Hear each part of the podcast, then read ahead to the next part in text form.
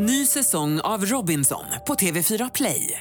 Hetta, storm, hunger. Det har hela tiden varit en kamp.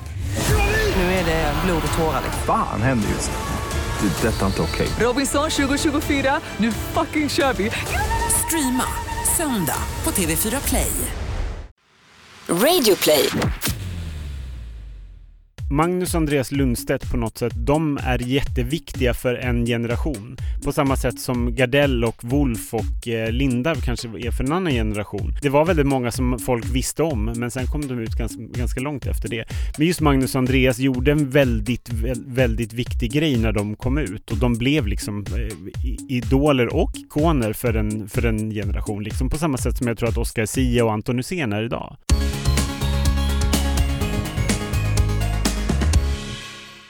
Hej Tobias! Hallå Anton, och välkommen till dig som lyssnar. Det här är Sveriges största hbtq-podd, Regnbågsliv. Vi snackar om eh, självidentifikation, sexualitet, komma ut, diskriminering och mänskliga rättigheter. Och Anton, vad är vårt motto? Vårt motto är att du är bra som du är. Always, in all ways. Ja, alla lägen. Alltid. Hur mår du idag Tobias? Det är helt okej, jag har fortfarande sträckt mig. Eh, där är det bak. baksidan Ja. som spökar? Det är den. Och då menar vi baksida lår och ingen Ja, annan inte muskel? högre upp. Nej, eller längre. Eller längre ner, eller vad ska man säga? Eh, Så att jag, eh, det gör mig lite ledsen, annars mår jag väldigt bra. Och för den som inte lyssnat tidigare kan vi säga att det är Tobias eh, sportskada från friidrotten, eller hur? Precis ja, det är jag och Martin Kallur vi kör. Ja just det, Mm. och Martin Kallur är ju en tidigare gäst till oss här. Ja, poddkompis. Ja men precis. Hur mår du då, Antonio? Vet du vad, hade du frågat mig för två timmar sedan så hade jag sagt att det varit jättedåligt faktiskt. För jag har haft en så sjuk hetsig vecka. Och du vet en sån här vecka där det känns som att hjärtat är i halsgropen och man så här chippar efter luft istället för att andas djupt. Alltså du vet när man så här kaninandas. Bröstandning?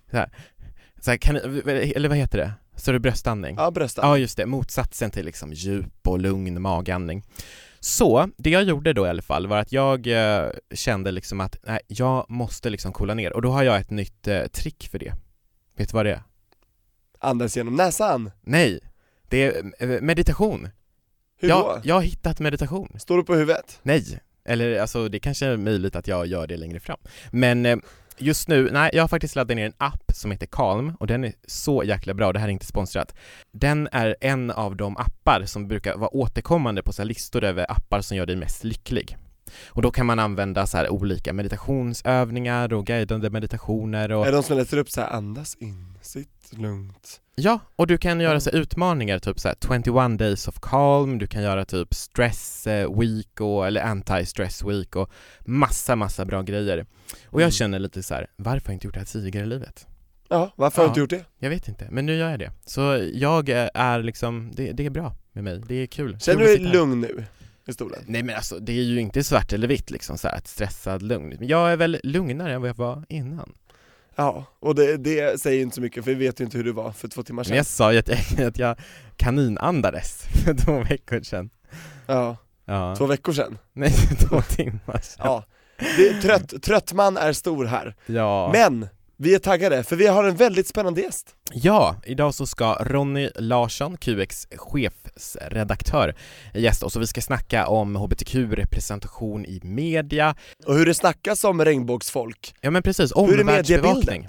Ja, har den ändrats efter Donald Trumps intåg till exempel? En sån grej som jag Ja. skulle vilja prata om. Och hur var det när Ronny började vill jag veta, och hur är det nu och vad tror vi om framtiden? Hur vi kommer prata eh, om HBTQ Det är faktiskt väldigt viktigt, och det Ja. påverkar ju alla För media gör ju det, Ja men verkligen, media är ju den här tredje stora makten som man brukar säga. tredje statsmakten, det stämmer Ja, det har du koll på sen journalisthögskolan. Du är utbildad journalist. Ja, jag jobbade till och med på skoltidningen som hette tredje statsmakten så att, eh, Nej, vad kul. På, på Stockholms universitet. JMK, mm. Just det. Men du, innan vi tar in eh, Ronny i studion så tänkte jag bara ta upp en grej som jag är lite upprörd över. Är det okej? vad vill du ventilera? Jag vill ventilera ett YouTube-klipp som jag eh, såg och eh, det, eller jag läste faktiskt först en, eh, en artikel i eh, tidningen QX där Ronny, eh, veckans gäst, är chefsredaktör.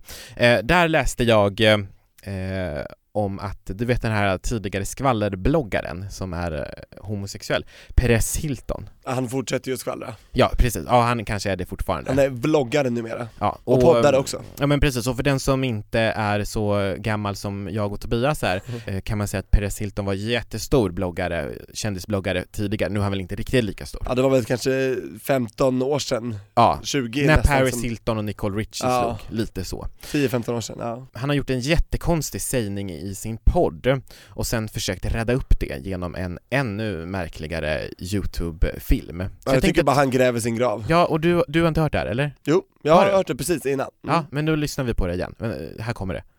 However, I purposefully would not put my son in dance class because dance class might make your kid gay. now you're just being silly. no, I'm actually being very serious. Let me walk this back for one second. If your kid was interested in dance class, you would of course sign him up for dance. No, I don't think I would. Oh, come on. Why not? I think dance class can make your kid gay. You can't make anyone gay. You're either gay or you're not. Yeah, I think dance class could help. Ja, alltså jag är, jag vet inte vad jag ska säga. Jag tycker det här är fruktansvärt. Ja, Hur han kan sitta och säga så här som den bög han är, ändå i världen. ja och det är ju egentligen en, en liten så här fördom som de, de, eller som många personer har att Många tror att alla hbtq-personer strävar efter samma sak och vill samma sak och är lika insatta allihopa, det är de absolut inte. Alltså ruttna människor finns ju i alla folkgrupper, så är det ju. Och här har vi ett ri- riktigt ruttet ägg. Ja, och det jag blir mest förbannad i, i det här klippet, det är att han säger att hans son riskerar att bli eh, homosexuell om han dansar. Det är inte så här att... ehm, Och det är så mycket i det, vadå, riskera det innebär att det är någonting dåligt. ja, och sen så att bli ja. någonting. Och Och han, själv, han säger emot sig själv, han säger själv att jag tror att jag föddes gay, och jag ska inte sätta en siffra på det, men jag tror, alltså, han, allting han säger, säger han emot sen. Mm. Och jag, Nästa mening. jag blir lite, när jag tänker på hans son då, så blir jag lite mer bekymrad för att hans son ska ha en pappa som, som inte vill att han ska bli gay, än att han eh, har en, så, har en pappa som ehm, försöker liksom skydda honom från det, eller förstår jag menar den där att Ja, jag, blir bara trött när jag hör sånt här. Nej men det här är, det här är extremt pinsamt och farligt om folk verkligen tror att gå på det här. Som han Ja, säger. Han det- har ju ett stort följe fortfarande. Ja men och det som är så tröttsamt också är att det här känns som den typiska grejen som em, en, när en vårdnadshavare reagerar negativt när någon kommer ut så känns det som att det här är en ganska vanlig reaktion.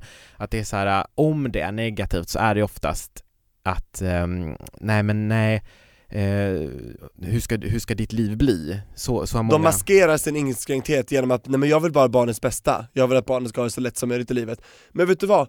Livet suger ändå. Mm. Är man inte bög så kan man bereta för någonting annat, man har stor näsa, man är, eller förstår du, kort, tjock, ful, alltså Barn är hemska och Mm. kan retas och vuxna också. Det är ingen garanti, även om människan visar, råkar vara straight. Ja, Förstår du vad jag menar? Ja, verkligen. Så det är bara korkat, tycker Mm. jag. Och summan av kardemumman då, du blir inte liksom gay av att dansa, vad fan? Nej, du föds till den du är. Och den du är, det vet bara du. Ja, Det ska inte någon Perez Hilton eller någon annan jävel nej säga. verkligen. Jag blir extremt provocerad. Ja, Vi ska vi ta in Ronny? ja i, so, i, in i sopkorgen med det där, äh, Ja, bort med Perez. dåliga videon. Han kan Så. dra. Men eh, jättebra, då eh, gör vi så och släpper det dåliga, eller hur? Ja, jag tycker vi ska prata lite med framtid, men först ska vi spåra tillbaka bandet, men Ronny måste vara här först då. Ja. Nu tar vi in honom, Ronny Larsson!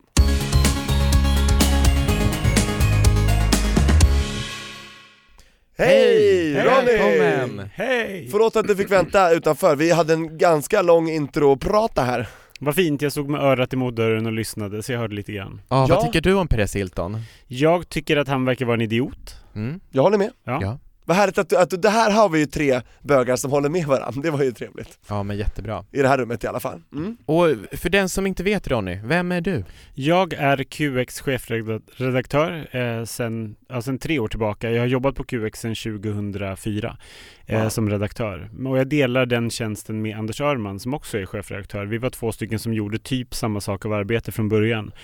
Eh, men jag hade bara titeln redaktör. Men sen så kände jag, nej, nu får det vara nog. Nu vill jag också bli chefredaktör och känner mig lite bossig. Och då blev du det? Då blev jag det.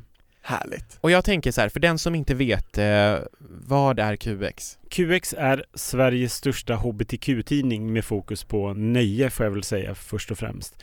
Eh, vi, har en, vi driver en sajt som heter qx.se och vi har ett stort community som heter Cruiser där medlemmar chattar och håller kontakt med varandra. Dessutom så har vi Gaygalan som är en gång per år. På som, TV4? Precis, som numera sänds på TV4. Eh, som vi har kört i 20 år.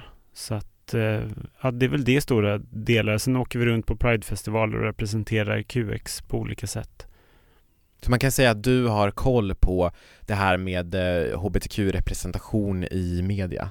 Ja, det hoppas jag i alla fall. Det borde du ha, det Ja. tror jag. Jag tror du är bland de som har bättre koll än många andra, skulle jag säga. Ja, mm, vi, vi får väl se. Och insyn och så vidare. För vi tänkte prata lite grann om det.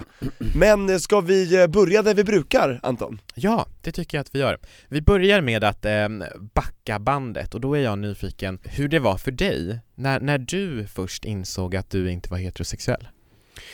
Det där är så svårt för det finns ju inte ett så här ögonblick då man vaknar upp och känner så här att ja, men då var jag homosexuell. Utan det är lättare att se tillbaka på små grejer. Att man blev kär i klasskompis eller att man fick, när man fick skolkatalogen så tittar man på en kille i parallellklassen som man var liksom, som man bara inte fattade att man var kär i men man gillade honom liksom. Jag tror att jag sköt upp liksom mitt så här kärleksliv ganska länge för mina kompisar som var mest tjejer hade inte heller så mycket killar liksom. Vilket var ganska skönt så att jag kände aldrig pressen. Så att det pågick ganska länge. Det var aldrig någon som frågade ibland.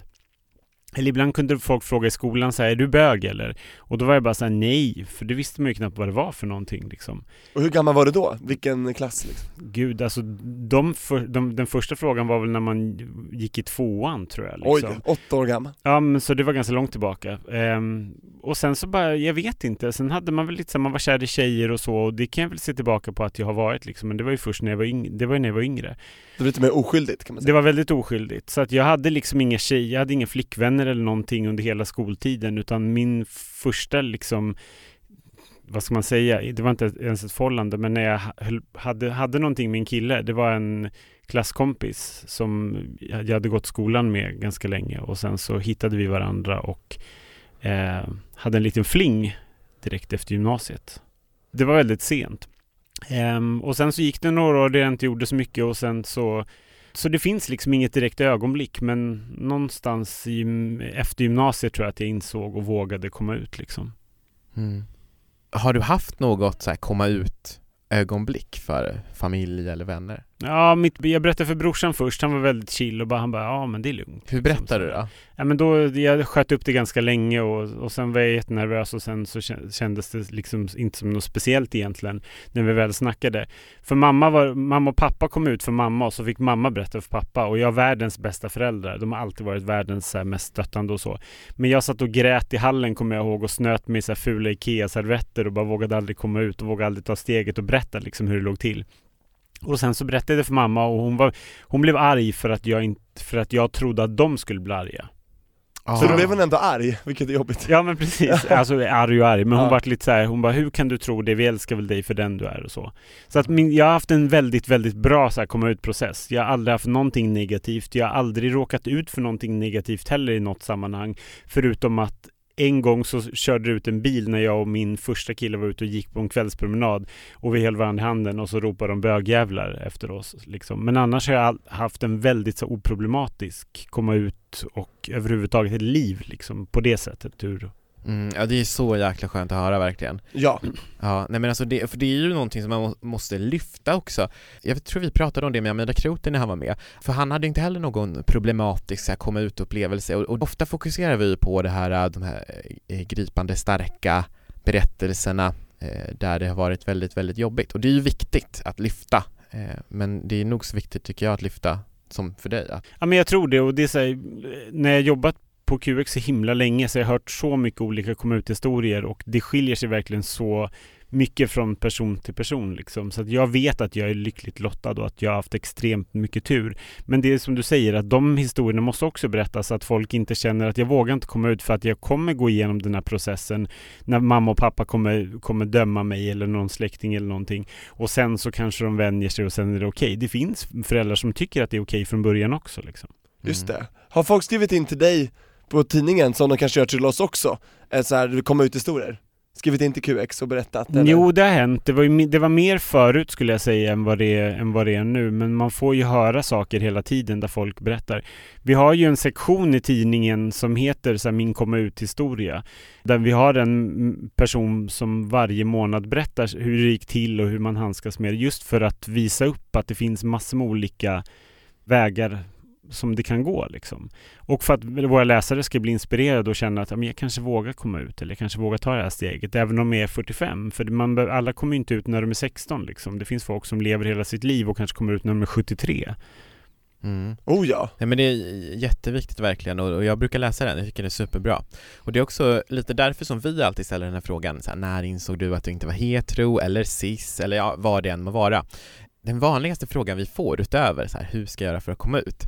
Det är så här, hur vet jag om jag är... punkt, punkt, punkt. Det är Precis. Hur vet så jag vad mycket så jag här- är? Ja, Mm. så mycket så här att jag vet inte om jag är gay, jag vet inte om jag är bi, jag vet inte om jag är pan eller trans eller Alltså det, det här behovet av att, att, eh, eller det verkar finnas ett väldigt stort behov av att eh, placera in en själv och andra i fack.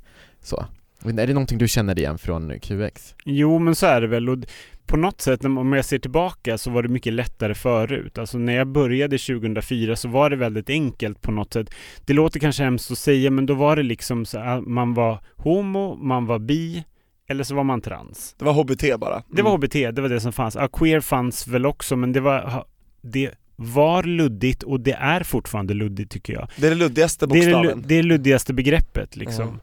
För queer är ju mer en sinnesstämning på något sätt. Det är liksom någon, någon slags inställning. Det är ju liksom, för mig har det inte så mycket med identitet på det sättet att göra. Eller sexualitet, precis. Det blir vad man gör det till lite grann. Lite grann. Känner jag också. Ja, och det verkar ju som att det finns en hel del olika tolkningar utav liksom queer-begreppet. Ja, queer-teori liksom. Medan Det vissa väldigt- tolkar det som ett sätt att se på världen, liksom som en slags normkritisk världsåskådning och andra ser det Att som man suddar ut lite gränser till Ja, och precis, och för andra är en identitet och så. Nej men jag håller med. Ja, Eh, det kan vara svårt att greppa. Och där har ju media en stor ansvar, kan jag ändå, tänk- ändå tänka mig, att vi fungerar som någon slags informationskanal för alla dessa unga som skriver till oss allihopa här och frågar hur de vet vad de är och vem de gillar och sådär. Och hur var HBTQ-rapporteringen? Ja, vilket år var det här? 2004. 2004. Hur såg regnbågsrapporteringen ut då? Enligt dig? Mm, I annan media eller i QX, eller för oss? Både och. Alltså då var det ju fortfarande liksom de här rubrikerna att, eh, att kom en känd person ut, då stod det liksom Kajsa, jag är lesbisk.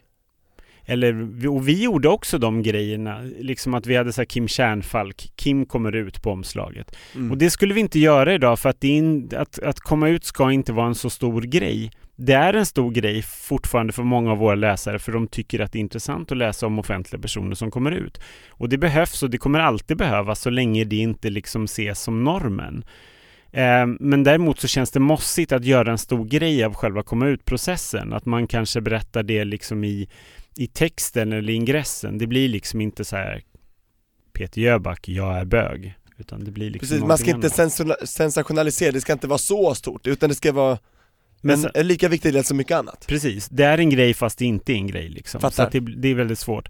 Så det är väl den stora grejen som jag upplever ändrats. Jag, till exempel när Oscar Sia kom ut, vilket var en jättefin grej, media hanterade det på ett väldigt snyggt sätt. Att det För var bara några år sedan. Precis, att det var inte grejen att jag är homosexuell utan det var liksom eh, jag, jag tror att det var ett citat som handlade om någonting helt annat egentligen men som hade med grejen att göra och det var väldigt snyggt skött tycker jag. Och det är det som är skönt, så det är väl den stora förändringen tycker jag. Och sen att folk inte fokuserar så mycket på sexualitet längre, det är inte världens grej liksom. Mm. Folk kan komma ut och de blir inte stämplade som, som bögen eller som flatan eller som transpersonen liksom. Ingen definierar liksom Andreas Lundstedt för, för att han är hiv-positiv längre. Vilket var också jätteskönt, för det var också ett stigma som man var tvungen, och det är ett stigma fortfarande att komma ut som hiv-positiv. Framförallt om man är liksom regnbågsperson också. Är det så här Verkligen. dubbelt Verkligen. för vissa. Mm. Men jag tror inte att det är en grej längre att komma ut på det sättet för, i alla fall inte för kända människor. Sen är det en stor grej att komma ut för, för alla. Men, och det märker man ibland när folk skriver att de tycker att de har världens historia. Och alla har världens historia för att alla är tvungna att komma ut och vi är tvungna att komma ut för resten av våra liv.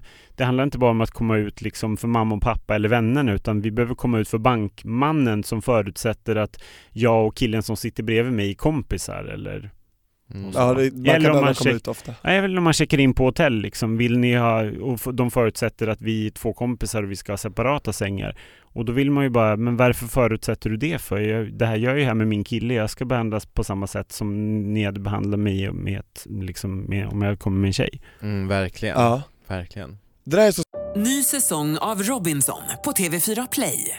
Hetta, storm, hunger. Det har hela tiden varit en kamp. Nu är det blod och tårar. liksom. Fan händer just nu. Det. är Detta är inte okej. Robinson 2024, nu fucking kör vi! Streama söndag på TV4 Play. Ett poddtips från Podplay. I podden Något Kaiko garanterar östgötarna Brutti och jag, Davva, dig en stor dos skratt. Där följer jag pladask för köttätandet igen. Man är lite som en jävla vampyr. Man har fått lite blodsmak och då måste man ha mer. Udda spaningar, fängslande anekdoter och en och annan arg rant. Jag måste ha mitt kaffe på morgonen för annars är jag ingen trevlig människa. Då är du ingen trevlig människa, punkt. Något Kaiko, hör du på Podplay. Därför är gardinerna. spännande. Hur, hur tycker du att er roll har varit? Vad har ni spelat för roll i den här utvecklingen? Då, känner du att QX har liksom lett utvecklingen eller hur ser du på det liksom? Jag hoppas att vi har spelat en väldigt stor roll genom åren, för jag, jag känner att vår, vår roll har varit att vara lite grann en kompis, någon som håller handen längs med vägen liksom, och att vi försöker normalisera hela grejen. Att vi skriver liksom inte bara om komma ut-historier, utan vi skriver ganska mycket om Ja men vi, här samlar vi fem bögar som, som visar upp sin favoritpryl eller här samlar vi fem flator som berättar om var de helst går ut. Lite grann sådana saker. Och att vi eh, träffar kända personer som är straighta men att de får berätta lite grann ja, men hur deras förhållande till hbtq-världen är. Går de på Pride? Vad tycker, när träffar de en liksom, homosexuell person första gången och hur upplevde de att det var? Nu låter det som att man berättar här, när träffar en rymdvarelse första gången. Men ni förstår vad jag menar. Att Ja. Alla kommer ihåg att så här, men jag kommer ihåg att ja, men han i porten bredvid, han kallades för bögfarbrorn eller någonting. Och så kan man diskutera lite grann kring det liksom. Men, så jag hoppas att vi har haft en, en positiv roll för att det var så jag upplevde QX innan jag började att ja men de tycker precis som jag. Lite grann så, alltså vår nöjesapproach är så att vi ska titta på liksom Let's Dance och Melodifestivalen på det sättet som våra läsare gör att ja men vem är den där snygga killen som dansar eller vem är den här sköna tjejen som leder Melodifestivalen och så ska vi vara lite grann kompis som hänger med liksom. Och vårt tilltalssätt är lite kompisgrejen, att vi kan skriva lite friare än andra tidningar tror jag. Vad härligt. Mm. Och det tror jag också är någonting som har gjort att många har valt också att eh, komma ut i, i QX. Kajsa Bergqvist valde ju liksom att berätta för oss, Just Mm. det. vilket är Mm. vårt mest nedladdade nummer någonsin när Kajsa Wow. kom ut, vilket är jättehäftigt. Och där känner jag att vi har fortfarande ett väldigt stort förtroende och det är jättekul. Alltså var jag än kommer någonstans så känns det som att kända människor och människor i branschen och allting litar väldigt mycket på QX för att de får tala till punkt, de får läsa det vi skriver och vi, och vi kan alltid ställa de frågorna vi vill. Jag tycker inte vi backar för någonting liksom ändå. Så att vi har ganska hög cred, vilket är jätteskönt att ha tycker jag. Mm. Och hur har andra medier tycker du ändrats eh, i takt med er? Har du sett liksom andra medier ändra sin, eh, sitt tilltal? Ja, det tycker jag absolut. Alltså, jag tycker att det är, en, det är en mycket, mycket bättre vad ska man säga, värld just nu. I alla fall för svensk media. Det är svårt att prata om utländsk media för de, det är så olika situationer i andra länder tycker jag. Men just svensk media tycker jag skildrar hbtq-sfären på ett väldigt bra sätt. När Peter Jöback kom ut så var det Peter, jag är bög och nu skriver man inte på det sättet längre utan och det nämns inte heller, man pratar inte liksom längre om att homobiten utan, eller att komma ut-biten med artister utan jag tror man har släppt det och man har gått vidare liksom. Magnus och Andreas Lundstedt på något sätt, de är jätteviktiga för en generation. På Ja. samma sätt som Gardell och Wolf och eh, Linda kanske är för en annan generation. Mm. Sen kom alla ut gans, inom en ganska tajt tid men, men utåt sett så hade ju bara egentligen Wolf och Gardell och Linda in, alltså de, det är ganska skrämmande. Jag tror Gardell kom ut för ganska länge sedan men de andra kom ut ganska sent ändå liksom. Mm. Det var väldigt många som folk visste om men sen kom de ut ganska, ganska långt efter det.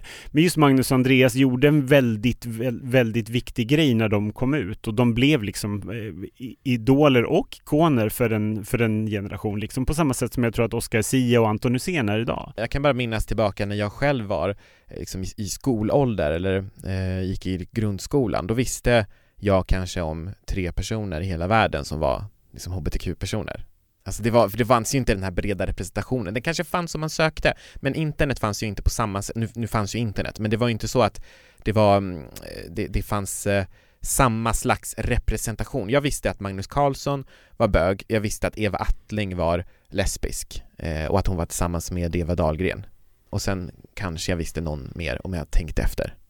Jag vet inte, och där känns det som att där har vi kommit väldigt långt eh, idag. Alltså det här med att fler och fler vågar komma Ja. ut. Om man vänder på hela steken och frågar dig Ronny, är det någonting som har blivit sämre, tycker du, i rapporteringen från förr till idag? Nej, det tycker jag nog inte. Jag, kan nog, jag tycker nog att det har gått framåt i, liksom i rapporteringen och hur media hanterar det. Jag, det. Det tycker jag absolut.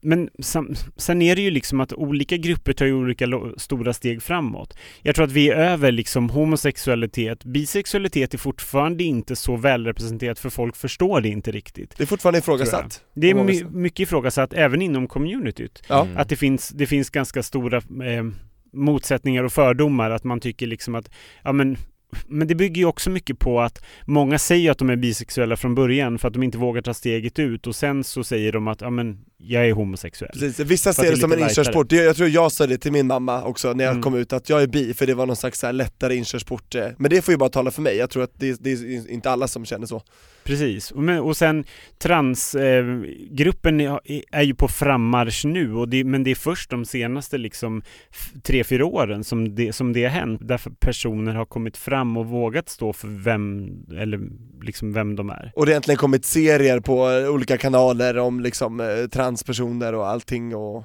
Mm, Ja, tjejer ja. som oss var ju så viktigt för så Precis, många. och youtubers som eh, berättar öppet och liksom när det exploderade, att vloggare och sådär, det, det har gjort sitt verkligen Mm, verkligen. Så det, är- och det är jättehäftigt och vi har ju liksom haft idoler till exempel i TV4 som har, som har kommit ut och, och varit trans och, var, och liksom tävlat när de har varit liksom och, och berättat öppet om att de är trans, vilket är jättecoolt liksom. För det är så viktigt för den yngre generationen att få bilder så att inte alla tror att det är liksom bara äldre tanter och farbröder som vågar prata om det utan även unga liksom. mm, Just det Verkligen. Men vad skönt att höra att du tycker att ingenting har backat, att ingenting har blivit svårare att rapportera om eller skriva om Nej, alltså det- det enda jag tycker är svårt att skriva om egentligen det är att det finns så många olika grupper och alla har olika tolkningar och alla har olika syn på olika saker. Men alla har ändå samma krav av, över att vilja bli representerade och vilja bli talade om rätt va? Precis, Det är det. precis.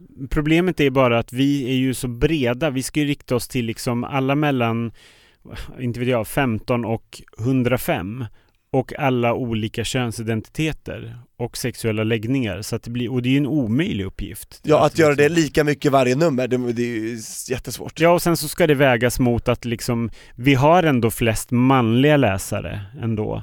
Men vi har, väldigt, vi har ju såklart kvinnliga läsare och vi har, tr- vi har transpersoner som läsare. Och transpersonerna är ju jätteviktiga att liksom hjälpa på traven för att de har legat så långt efter under, i så många år. Och därför vill vi lyfta dem. Men man ska heller inte komma, man ska också komma ihåg att trans är ju en väldigt, väldigt liten del av HBTQ ändå. Det är ju fortfarande inte så många som är trans. Det är en minoritet inom minoriteten Precis. Jag förstår vad du menar, och eh, Ja. Anton vad tänker du? Eh, jag, jag är nyfiken på få, om, eller vad för typ av kritik som du eh, möter, om du möter någon kritik i, rep i rapporteringen. Ja, men jag tror att det är det lite grann. Ofta när man skriver artiklar på nätet, speciellt när vi delar dem på Facebook, då blir det väldigt ofta, alltså artiklar som rör trans, är det väldigt liksom känsligt kring och med all rätta för att det är så lätt att trampa fel.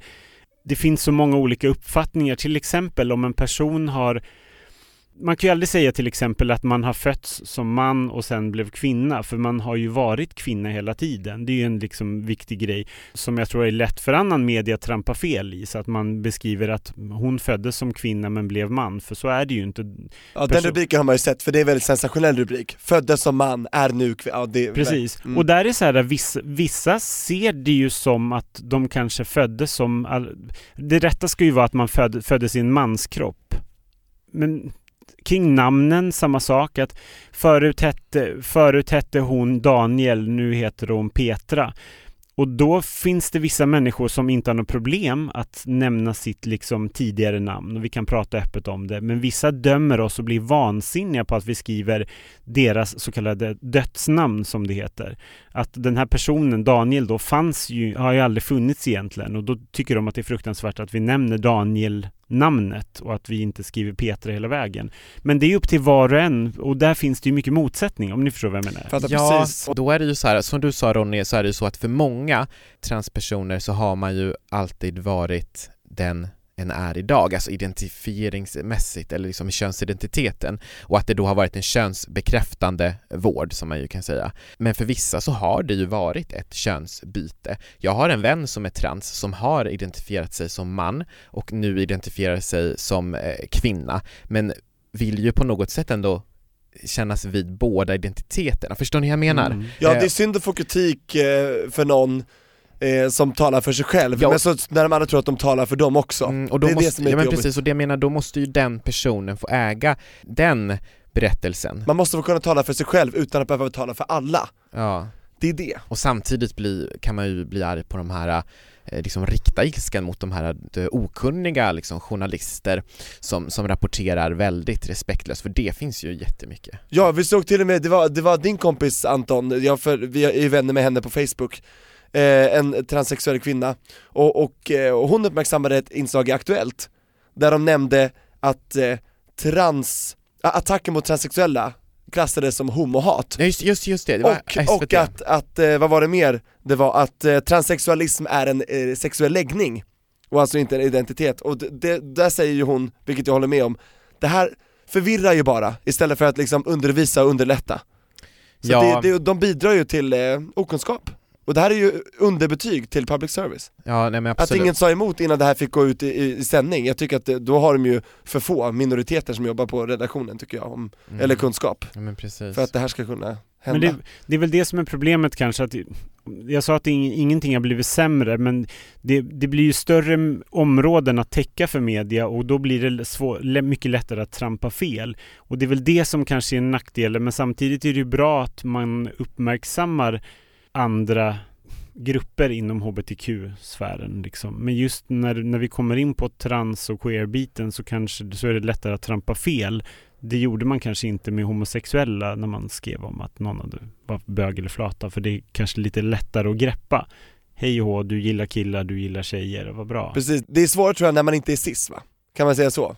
När man bryter mot cis-normer, då är det svårare tror jag för många att göra rätt. Mm.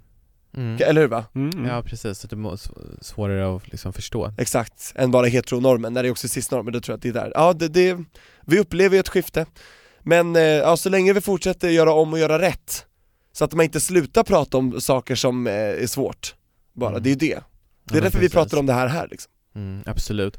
Okej, nu har vi ju pratat om hur rapporteringen ser ut idag. Hur tror du att det fortsätter utvecklas Ronny? Hur kommer vi prata om HBTQ i framtiden? Jag hoppas att det inte ska vara en grej, att man inte ska liksom prata egentligen om etiketter på det sättet.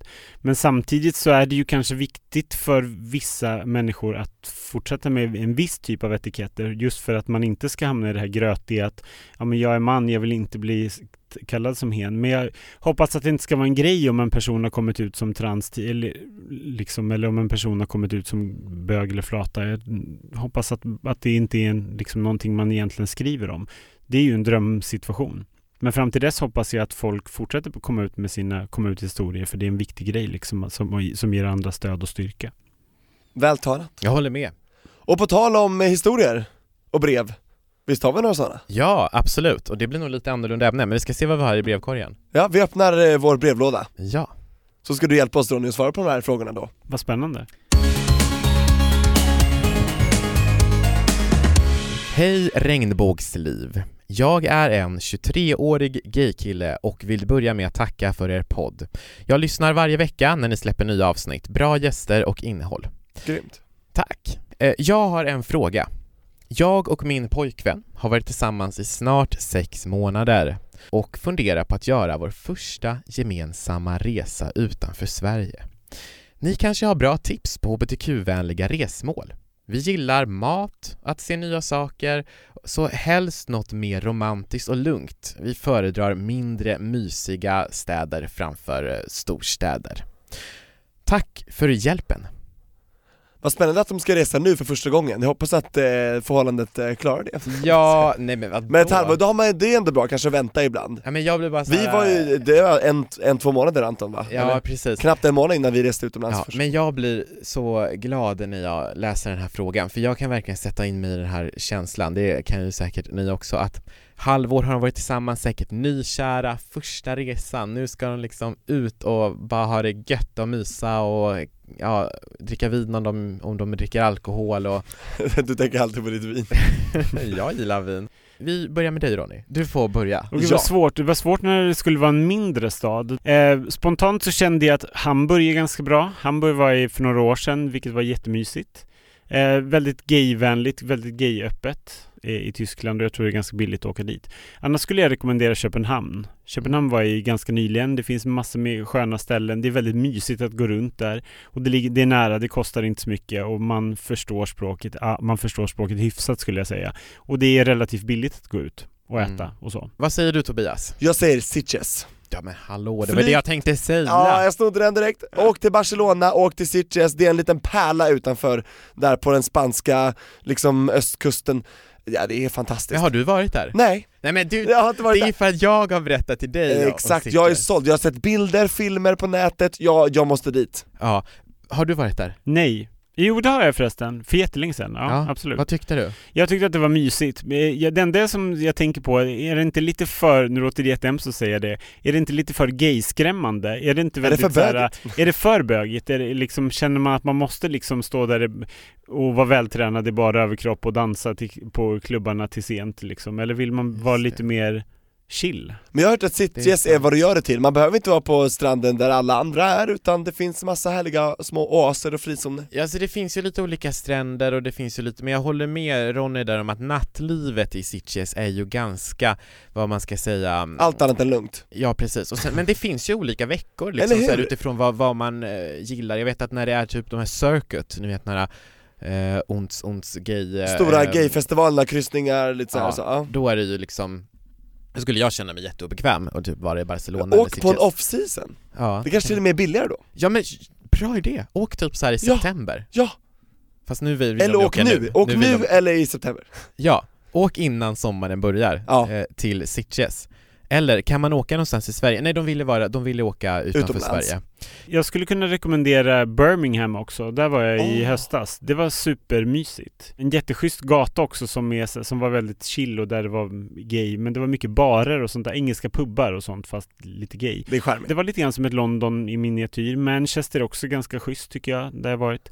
Ehm, så det finns ganska mycket liksom godbitar. Jag skulle, men på det stora hela skulle jag nog rekommendera det. Jag vill åka dit själv för att jag eh, har varit i London nu flera gånger och känner så här att jag gillar ju Soho? Ja, jag, jag, jag gillar London men jag känner så här, jag vill inte åka till London igen Nej, Och då du har kanske gjort Birmingham är ett Mm. bra ställe Ja, och vad heter den där? Eh, Brighton är också jättebra. Det är väldigt, väldigt gay och härligt ah. faktiskt. Ehm, härligt gay Så, ja, men så det, finns, det finns en hel del pärlor om man vill se liksom. Bryssel är också ganska mysigt. Ja. Allt som är på B, Birmingham, Bryssel och Brighton Brighton. Barcelona och Barcelona Ja så där, där har du, Ja. eh, hoppas att det var bra svar ja, jag hoppas det verkligen. Eh, och lycka till och ha en fantastisk resa, skriv gärna in, eh, skicka en bild till oss. Ja, kanske. tänk på att umgås med varandra och liksom somna inte på restaurangerna ja och utan, ta, sitt inte med mobilen på Sitt restaurangen. inte med Tobias liksom, absolut, det vi har lärt oss på egen hand har vi gjort, du och jag Anton. Det har vi Ja. gjort, och det Men kan tack- ni höra om i avsnittet när, när Jonas Hallberg var med tror jag, Ja, då vi pratar om det. Men det, det är kul att resa, alltså, ut, och, ut och res. Nej men gud jag blir avis Mm. Vad bra, härligt, lycka till! Ja, och då börjar tyvärr vår tid tillsammans ta slut Tobias och Ronny Ja, det gick Tråkigt. fort det gick fort. Men det jag tänker på, jag måste bara eh, fråga en fråga som jag kom på nu. Mhm. eh, Apropå den här, eh, om det finns några saker som har gått bakåt. Eh, Till exempel SDs framfart och eh, så NMR som eh, tar plats i, i, i mediavärlden och sånt här. Och Trump som väljs till president Ja, precis, och pratar negativt. tonläget ibland är, eh, att, att det börjar, på i vissa läger kan det normaliseras och sen om det är liksom att så här, det här, så här har man alltid pratat i stugorna men nu finns det på Twitter. Upplever du det att tonläget emot HBTQ har hårdnat och blivit lite mer aggressivt? Nej, det tycker jag inte, för jag tycker att, jag tycker att media slår ner det på ett, på ett väldigt bra och effektivt sätt, både på ledarplats och annan plats tycker jag. Framförallt i Sverige då kanske? Framförallt i Sverige, alltså utomlands är det en helt annan grej. Där går vi ju uppenbarligen bakåt. Det, är liksom, Mm. det stora bakslaget började väl egentligen med Ryssland och sen alla afrikanska länder där det liksom blev dödsstraff Där blev det plötsligt. dödsstraff och folk inte kan leva längre och, och liksom Tjetjenien och Där sådana man måste fly, liksom. alltså HBTQ-flyktingar liksom. Precis, och det har ju, så det har ju eskalerat de senaste åren, vilket är fruktansvärt. Så jag känner att Sverige och en hel del andra länder går, går tack och lov framåt, trots att SD är på framfart. Men nu verkar ju SD ha stagnerat lite grann och till och med backar, vilket är jätteskönt. Att Inför folk, valet i år. Att folk ser igenom deras extremt, eh, liksom rasistiska och homofoba fasad som de försöker polera upp och göra någonting annat av. Liksom. Ja. Men, eh, men absolut, men där är det ju viktigt också att vi, vi fortsätter att rapportera om vad som händer i världen. Tyvärr är det ju så att ju mer liksom olyckor och våldsdåd och terrorsaker och sånt och hemska saker vi ser, desto mer normaliserat blir det och så reagerar man inte. Jaha, 20 personer dog i Paris, ja okej, mm, folk lägger upp en, en, liksom en, en Flagga. flagga på Facebook och sen är det över.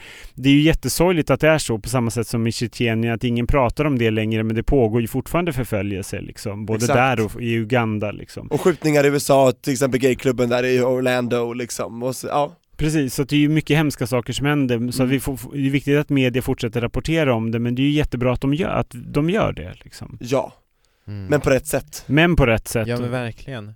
Någon, men någonting som jag är lite skraj för är tendenser som jag tycker mig se i USA eh, på det här med föraktet mot media. Och det, det, jag upplever att det inte har kommit till Sverige än. Men jag tänker så här att, Tror du att du kommer göra det? who knows? Alltså vem vet? Du är när man inte litar längre på media?